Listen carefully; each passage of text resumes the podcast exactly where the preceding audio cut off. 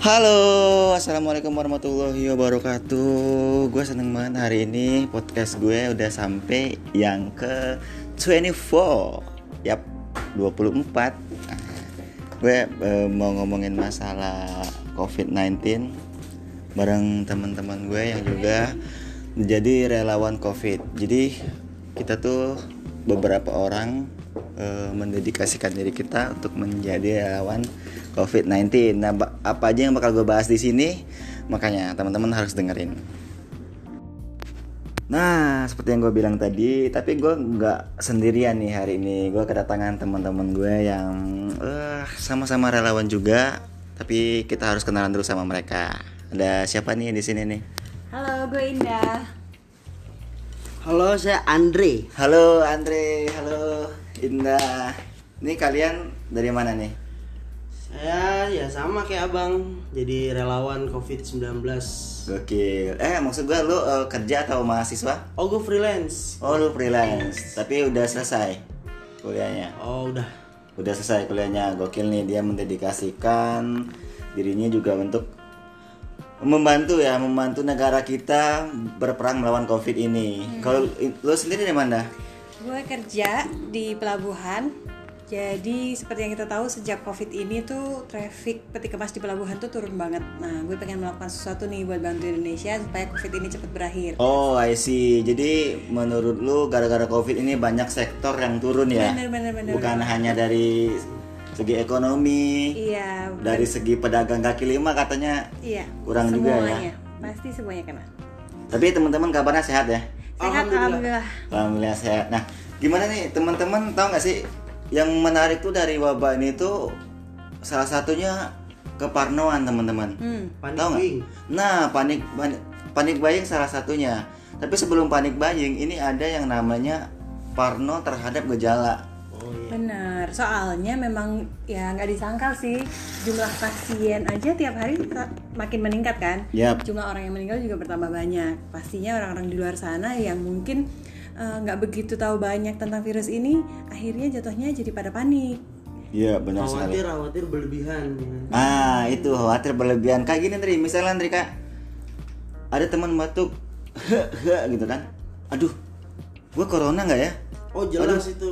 gua aduh gua, gua gua apa ya apa yang harus gua lakuin ya nah gitu sehingga eh, dia karena nggak tahu cara memitigasi resikonya akhirnya dia pergi ke rumah sakit di mana rumah sakit tuh udah beludak ini apa pasiennya juga yang seharusnya dia cuma konsul aja dan dia sebenarnya cuma sakit tenggorokan aja tiba-tiba di rumah sakit tuh bakal bikin gaduh bikin repot eh, rumah sakit misalnya padahal itu bisa diisolasi sendiri nah menurut lu sendiri nih teman-teman Em, gimana sih caranya kita supaya nggak parno gitu? Ah, sebelumnya mungkin kita juga sama sih ya. Dari kita kan kebetulan di relawan ini di bagian call center banyak banget yang Hmm. telepon ke kita.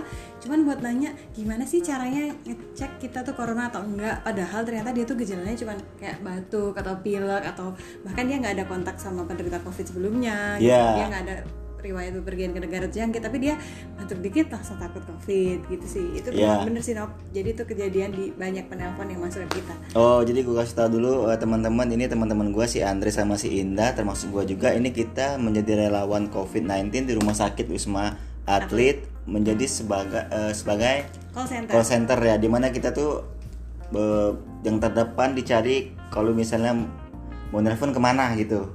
Nah seperti yang Indah bilang tadi. Hmm, nah itu sih salah satu cara pertama kalau teman-teman biar nggak panik kalau lagi ada pertanyaan daripada menerka-nerka atau googling googling berita yang bikin tambah panik telepon dulu ke 119 nanti bisa ngobrol sama kita ya Iya, kan 119 ya. Jangan ke yang lain. Ya, Andre, Dre mau ngomong apa kalau nih kalau kalau sendiri Andre, lu pernah nggak nerima telepon tuh yang yang aneh atau yang apa gitu? Balik lagi sih ini impact dari corona. Tiap. Hmm. Sekarang sensitif banget. Orang batuk sedikit ya kan langsung mikir ke mana-mana. Ya. Jadi eh, jatuhnya tuh sekarang nih kentut lebih derajatnya lebih naik ketimbang daripada batuk ke Oh gitu. Ya ya ya ya. Berarti eh, menurut lu sendiri apa nih yang harus dilakuin teman-teman supaya nggak parno duluan gitu sehingga nggak menimbulkan masalah yang baru lagi gitu. kayak intinya sih untuk saat ini ya sama-sama deh bareng social distancing jaga jarak rajin cuci tangan Nah, ya, itu gue setuju tuh. pokoknya jaga kebersihan deh tuh.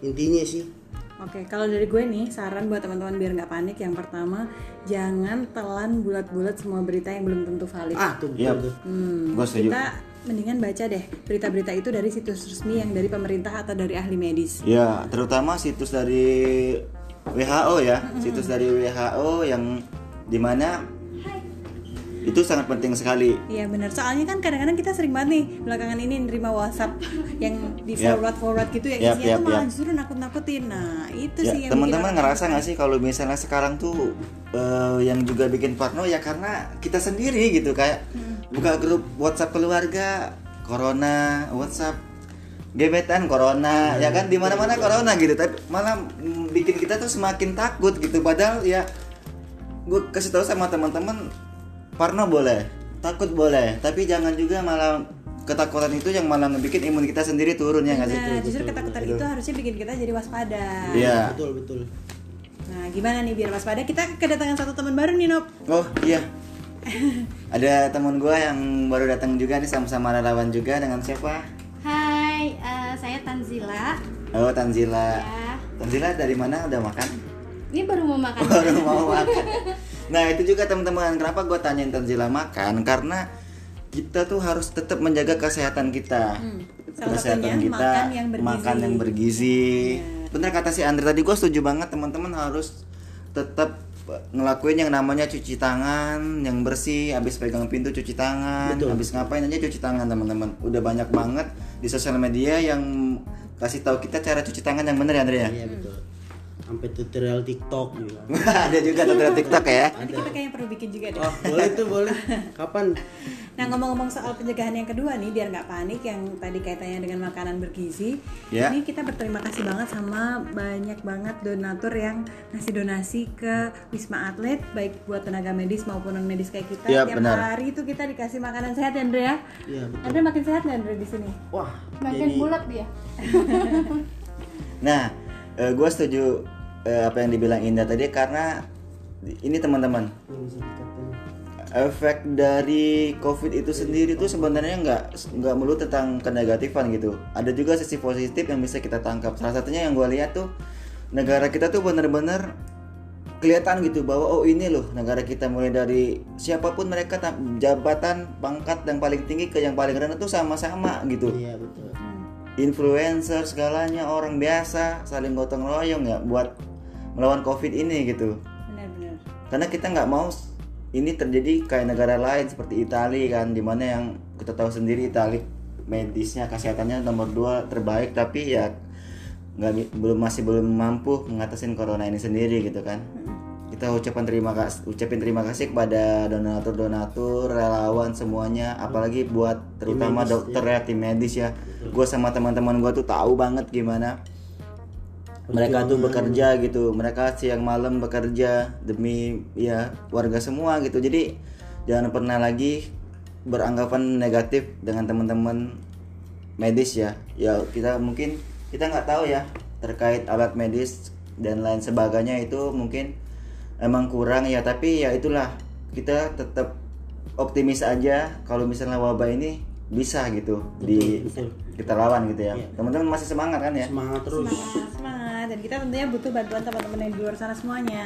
Ya, kemudian teman-teman kemarin gua ngeliat berita tuh ada eh, di tweet salah satu sosial media tuh gini. Eh, teman-teman pernah dengar nggak sih yang namanya disinfektan? iya betul Nah, yang tempat alat yang di mana di, kayak dibikin sedemikian rupa di mana orang masuk kemudian disiram untuk disinfektan yang tujuannya untuk eh, mem- membersihkan diri lah Hmm, Membunuh kuman. eh, membunuh kuman virus gitu. katanya. Ya. Nah ini ada kejadian lucu nih di salah satu perusahaan. Nggak tahu terjadi apa enggak, tapi dia bilangnya gini. Jadi ada bapak-bapak tuh kerjaannya tuh dia bolak-balik nganter makanan teman-teman ke ke satu kantor. Nah di kantor itu ada pintu disinfektan di mana setiap orang harus masuk nih. Ya kan? Nah si bapak ini dalam satu hari tuh bisa 30 kali ke kantor itu. Jadi dia masuk disiram, keluar disiram. Sampai 30 kali lebih akhirnya dia komplain ke kantor ini gitu. Pak, mohon maaf nih. saya setiap hari hampir 30 kali pak disiram pakai disinfektan pak saya akuin pak saya khawatir tapi baju saya basah pak saya takutnya bukan corona yang mati pak saya yang mati pak gitu kalau teman-teman sendiri udah sering ya disiram pakai disinfektan ya Iya. Iya. Karena kita kalau di Wisma Atlet itu masuk maupun keluar memang wajib disiram. Cuman Iya. memang info pentingnya adalah bahwa cairan disinfektan itu memang bersifat karsinogen yang itu Hmm. memicu kanker. Nah, yang Oh, pengen gitu. kita tekankan di sini sebenarnya emang bagus sih pakai si kotak disinfektan itu. Cuman apa pun yang namanya kalau berlebihan ya kan jadinya nggak bagus juga. Jadi kita memang lewatnya ya seperlunya aja, jangan terlalu sering juga gitu. Jangan Oh, terus karena see. Iya, iya. eh mumpung mandi gratis gitu ya Andrea Iya, terus betul. lewat lagi lewat lagi gitu. Iya ya, lagi. oh keenakan ya bu ya, iya. keenakan masuk dengan disinfektan, joget TikTok ya kan, nggak boleh teman-teman. Itu gue yakin banget tujuan pemerintah ataupun tenaga kesehatan udah baik gitu, mereka udah ahlinya lah gitu. Iya. Nah, Dan ini juga kayaknya eh, perlu diterapkan juga pada ketika kita cuci tangan menggunakan sanitizer, Mhm. sebaiknya tidak berlebihan eh, terlalu banyak Oh, karena I itu bukan hanya membunuh eh, kuman dan virus, tapi juga bisa membunuh bakteri yang baik dalam tubuh kita. Hmm. Jadi gunakan Iya, iya, secukupnya iya, iya. aja gitu. Iya, iya. Dan jangan terlalu sering juga. Mungkin kan kita bisa kira-kira ya kapan kira-kira tangan kita eh, kotor atau iya, iya. gimana gitu. Dan eh, saran saya sih kalau misalkan kita mau makan setelah pakai sanitizer, kita jangan langsung makan, tapi bilas dulu pakai air. Oh gitu. Oh, iya, iya, jadi, benar-benar. eh, si alkoholnya itu kebuang lewat aliran air gitu. Oke, oke. Virusnya mati, eh, terus bakteri apa namanya alkoholnya juga kebuang. Iya, iya, iya. Jangan masa juga ya teman-teman habis Iya. eh, hand sanitizer, Iya, langsung ada makan. pisang langsung dimakan ya kan. Corona mati, Gitu. BBC tapi. nggak sih? Ya benar benar benar. Eh tapi kemarin kita juga dapat info ya waktu pelatihan di sini kalau ternyata tuh justru eh, cuci tangan pakai sabun tuh better dibanding pakai Iya, sanitizer ya betul. kan. Emang better banget lebih baik kalau misalkan teman-teman ngelihat ada wastafel lebih baik cuci tangan pakai sabun. Sabun. Kalau misalkan eh, eh, mikir ah takut nggak ada sabun, kita mungkin bisa antisipasi dengan sabun cair ditaruh di botol kecil dan itu kita bawa ke mana-mana. Ya, itu malah, Yep. malah lebih efektif ya Tanzila ya. Itu lebih better banget. Tundre jadi nggak perlu panik buying beli sanitizer. Iya, nih. apalagi yang kemarin ada di Isu sosial yang media ya dua eh, orang pakai markup baju mahal APD banget ya. itu. Oh iya? Penimbun, Iya. Penimbun, penimbun. masker, sanitizer, jatuhnya itu manusia egoisnya udah keluar tuh. Iya. semua. Jadi teman-teman semua mahal, please kan? buat teman-teman yang masih mempunyai banyak masker, hand sanitizer, ngambil untung boleh teman-teman. Tapi jangan juga mengsengsarakan rakyat terutama or- orang-orang tim medis bawah. yang sangat membutuhkan itu. Jadi kita tuh harus sama-sama mem- mem- lawan gitu. Melawan Covid ini. Gue setuju tuh. Kemudian teman-teman eh, gimana sih caranya nih kalau misalnya kita udah terin katakanlah kita udah mengalami gejala gitu. Gejala-gejala seperti yang awal tadi batuk Oh, dan juga suhu badan tuh udah tinggi gitu. Nah apa yang harus kita lakuin agar orang-orang nih tahu gitu?